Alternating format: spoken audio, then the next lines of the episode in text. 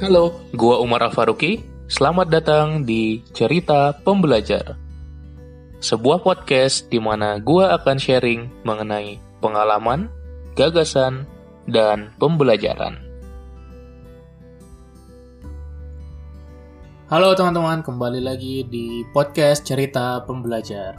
Kali ini gue bakal sharing tentang hal yang menjadi landasan dalam personal development.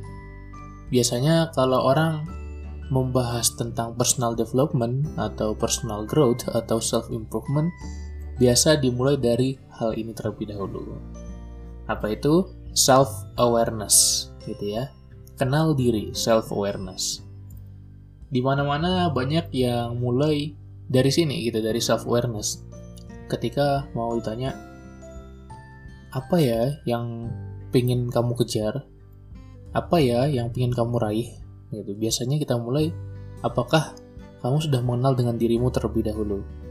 Gitu. Jadi memang self awareness ini biasanya kalau dianggap seperti sebuah buku self development maka self awareness ini biasanya chapter 1 atau chapter 2 nya gitu. Jadi bab-bab awal gitu.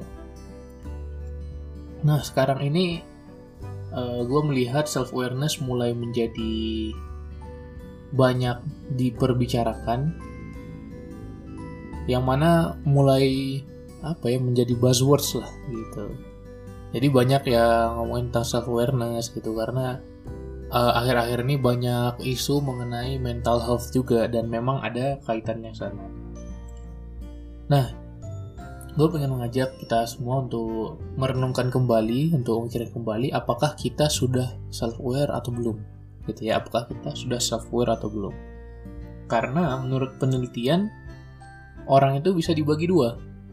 Nah yang menariknya bukan orang yang self aware dengan orang yang tidak self aware tapi pembagiannya justru orang yang merasa dirinya self aware dengan orang yang sebetulnya self aware jadi hampir semua orang merasa kenal dirinya ya hampir semua orang tahu siapa dirinya. Mereka merasa seperti itu. Tapi sedikit sekali orang yang benar-benar mengetahui siapa dirinya, benar-benar mengenali siapa dirinya. Di penelitian disebutkan bahwasanya 95% orang merasa dia mengenal dirinya hampir semua kan. Namun hanya 10 15% orang yang benar-benar tahu siapa dirinya, yang benar-benar self aware, benar-benar kenal siapa dirinya.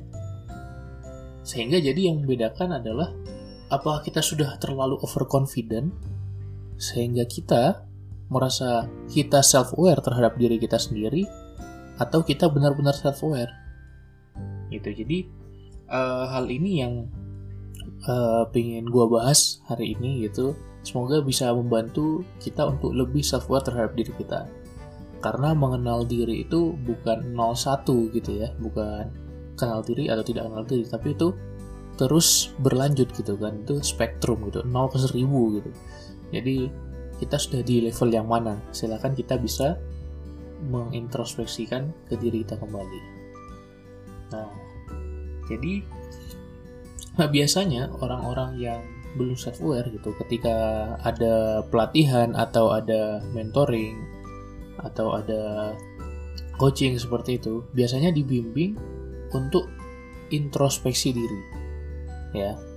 Teman-teman pasti sudah sering mendengar juga mengenai introspeksi diri dan ternyata ditemukan bahwasanya ketika kita introspeksi diri justru membuat kita semakin depresi, semakin stres. Loh, kenapa bisa seperti itu? Nah, jadi bukankah introspeksi diri itu bagus gitu supaya kita lebih mengenal diri kita? tapi kenapa justru kita ke depannya makin stres gitu jadi itu yang uh, menarik kalau menurut gue karena banyak orang mengintrospeksi dirinya dengan cara yang kurang tepat jadi introspeksi diri ini itu akan menghasilkan insight-insight ya self insight uh, knowledge-knowledge yang berguna buat kita gitu mengenai diri kita sendiri akan tetapi memang hal ini perlu dilakukan dengan cara yang benar juga kita sering kali melakukan pertanyaan-pertanyaan kenapa ya pertanyaan-pertanyaan why untuk mencari tahu, menggali tentang diri kita.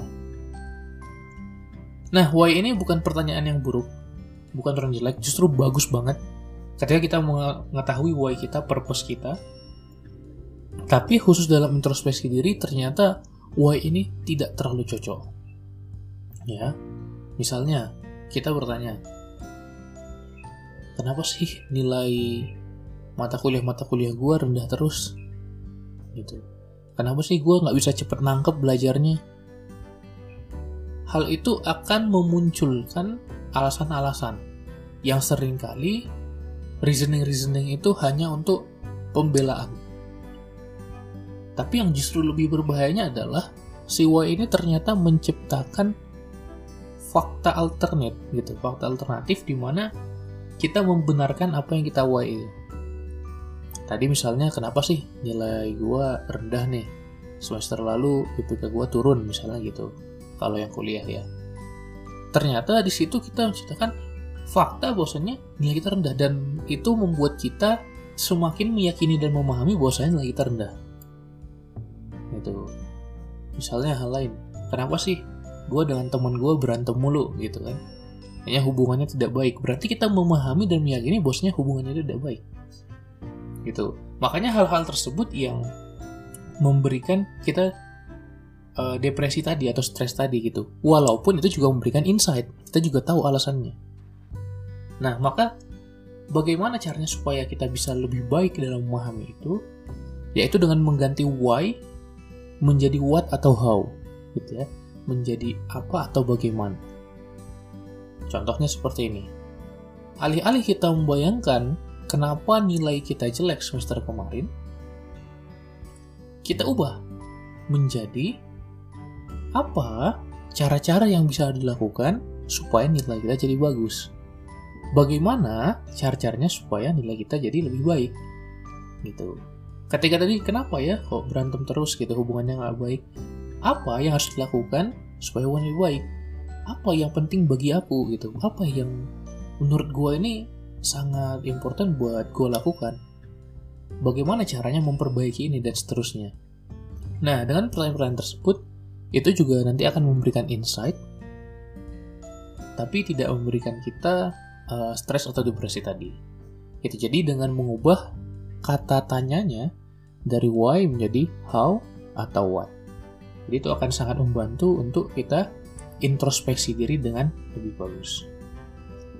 Nah, tapi tidak cukup sampai di sana karena sebenarnya self awareness itu bisa kita bilang terbagi dua ada yang namanya internal self awareness dan ada pula yang namanya external self awareness.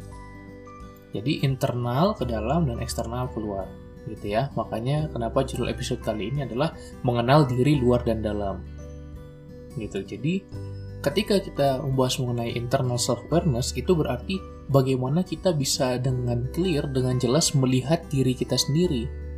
Ya kan? Melihat apa? Melihat passion passion kita apa? Melihat nilai-nilai kita apa? Melihat keseharian kita apa? Emosi kita bagaimana? Perasaan kita bagaimana? Itu artinya kita mengenali diri kita sendiri secara internal gitu. Sementara kalau eksternal bagaimana kita melihat orang lain melihat kita? Nah gue ulangin bagaimana kita memahami atau melihat orang lain memandang kita seperti apa sih? Terkait hal-hal tadi juga gitu. Menurut orang lain gue ini orangnya seperti apa? Menurut orang lain gue ini passionnya di mana? Menurut orang lain gue ini value-nya apa? Gitu. Jadi kedua hal itu benar-benar dibutuhkan gitu ya jadi ada yang internal ada yang eksternal ada yang dari dalam ada yang dari luar nah jadi kita bisa membaginya ke orang-orang yang memiliki internal self awareness rendah dan internal self awareness tinggi external self awareness rendah dan eksternal self-awareness tinggi. Nah, maka kita bisa buat seperti apa ya, tabel atau matriks 2 kali 2 seperti itu. Jadi, nanti akan muncul empat kuadran ya, atau empat tipe ya. Atau yang sering disebut archetype ya, self-awareness archetype. Bisa dicari juga kalau teman-teman penasaran gambarnya seperti apa. Nah, yang paling problem tentunya adalah ketika kita memiliki internal self-awareness rendah dan external self-awareness rendah. Nah, kita nanti disebutnya tipenya adalah seeker, jadi pencari. Jadi pencari ini gimana? Pingin uh, kita perlu mencari terus gitu dan pingin juga mencari terus kita ini orang yang seperti apa sih gitu baik secara internal ataupun eksternal. Akibatnya orang-orang yang tadi currently seperti itu dia memiliki uh, belum tahu ya, jadi belum tahu dia tuh orangnya seperti apa gitu. Jadi belum tahu value-nya apa, terus apa yang dipercayai dengan kuat itu belum tahu apa gitu sehingga akhirnya biasanya relationship dengan orang lain dan performa kerjanya juga tidak terlalu tinggi gitu karena sering merasa stuck gitu. Sebenarnya apa sih yang gua kejar gitu sering merasakan seperti itu. Nah kemudian yang kedua adalah yang memiliki internal self awareness tinggi tapi eksternal self awareness rendah. Nah ini kita sebutnya introspectors. Jadi orang-orang yang terus berintrospeksi diri sehingga internal self awarenessnya tinggi. Gitu. Tapi tidak tahu menurut orang dirinya seperti apa. Gitu. Sehingga ini biasanya performanya bagus gitu kan, performa kerjanya bagus gitu. Dan dia paham dengan diri sendiri. Tapi itu kurang baik secara relationship dengan orang lain. Sehingga bisa membatasi uh, hubungannya tadi gitu dengan orang lain karena tidak benar-benar memahami orang lain melihat dia seperti apa gitu ya jadi ini yang kita sebut nanti apa ya kita sebut blind spotnya lah nanti. Jadi ketika kita buta terhadap orang lain melihat kita seperti apa. Nah ini caranya kalau di sini coba kita sering-sering minta feedback sebenarnya gitu ke orang lain. Minta feedback bagaimana sih menurut lu tentang gua? gitu. Menurut lu gua orangnya seperti apa? Dan kemudian yang ketiga, orang-orang yang memiliki self external self awareness tinggi dan internal self awareness rendah. Nah, ini orang-orang yang kita sebut pleasers. Gitu. Jadi pleasers ini dia uh, kan tadi self awareness eksternalnya tinggi. Jadi dia biasa memfokuskan untuk melihat terus melihat orang lain gitu. Jadi menyenangkan orang lain gitu. Sehingga uh, sangat sosial biasanya orangnya gitu jadi sangat sosial sangat uh, engage dengan teman-teman yang lain sangat friendly gitu tapi uh, kurang bisa mengetahui apa sih value dalam dirinya gitu sehingga mereka walaupun bagus secara relationship tapi uh, tidak merasakan fulfillment dalam pekerjaan atau aktivitasnya karena nggak tahu apa yang uh, dirinya benar-benar senangi dirinya benar-benar inginkan Nah, kemudian yang terakhir tentu saja yang external self awareness-nya tinggi dan internal self awareness-nya juga tinggi. Atau orang-orang yang aware kita sebut. Jadi mereka tahu siapa mereka, apa yang mau mereka kejar, dan juga mereka benar-benar self dari luar dan dalam sekaligus gitu. Jadi terus ini bisa didapatkan karena kita terus continue memikirkan dan berefleksi terhadap diri kita sendiri kita terus mencoba memahami diri kita dan juga kita juga terus memahami apa yang orang lain pandang terhadap diri kita dengan cara tadi ask for feedback dan seterusnya. Nah, jadi pertanyaannya kira-kira teman-teman udah di kuadran yang mana sih gitu? Udah di bagian yang mana? Seekers, introspectors, pleasers atau aware gitu. Tentu kita semua menuju ke aware gitu. Nah, coba kita pertimbangkan saja. Kita yang sudah tinggi atau yang masih rendah itu low extra, uh, sorry external self awarenessnya atau external self awarenessnya jadi ya kita kesulitan yang mana mengenal diri kita dari dalam atau memahami diri kita dari luar. Itu jadi dengan kita mengcombine kedua hal tersebut lama-lama kita bisa menjadi aware. Gitu. Akhirnya ketika kita menjadi aware kita tahu apa tujuan kita kita tahu value kita apa kita tahu passion kita apa kita tahu apa yang kita senangi apa yang kita kurang senangi apa kebiasaan kita. Sehingga kita bekerja dan beraktivitas itu nanti menjadi purposeful dan meaningful. Hal yang kita kejar itu sesuai dengan apa yang kita inginkan, sesuai dengan nilai-nilai diri kita, dan sesuai dengan dream atau purpose kita. Nah, jadi uh, bagaimana cara kita bisa melakukan itu? Kalau gue recap lagi, kalau misalnya kita yang rendah adalah external self-awareness, kita cari feedback ke orang, ke teman-teman kita tanyain gitu nggak apa-apa ajak aja ngobrol gitu kan uh, kayak ngobrol mungkin setengah jam satu jam coba nanya-nanya. Menurut lu gue seperti apa? Entah itu ke teman kita, rekan kerja kita, sahabat kita, keluarga. Dan kalau yang internal self awarenessnya rendah, yang bisa dilakukan adalah bisa refleksi diri, gitu refleksi diri atau introspeksi yang tadi kalau bisa mengganti why dengan what atau how gitu supaya kita bisa semakin menggali lagi diri diri kita gitu jadi memang sudah sudah banyak tools tools yang ada untuk bisa lebih memahami diri seperti teori kepribadian, personality, kemudian kalau internal eksternal ada juga SWOT, ada juga Ikigai, ada juga Johari Window, dan banyak sekali yang mungkin di episode-episode selanjutnya mungkin gue pengen coba bahas juga. Tapi lu bisa cari itu semua di internet tentunya. Banyak hal-hal yang bisa membantu kita untuk bisa self-aware gitu. Sehingga dengan menggunakan hal-hal tersebut membuat kita lebih memahami diri kita baik dari dalam maupun dari luar diri kita. Jadi harapannya kita bisa menjadi orang yang self-aware tadi, bukan orang yang menganggap dirinya self-aware namun ternyata belum self-aware. Gitu. Tapi sekali lagi self-aware itu bukan yes atau no, tapi uh, banyak spektrumnya bertingkat-tingkat. Jadi bagaimana kita semakin hari semakin hari semakin bisa self-aware dan semakin bisa mengenali dan memahami diri kita.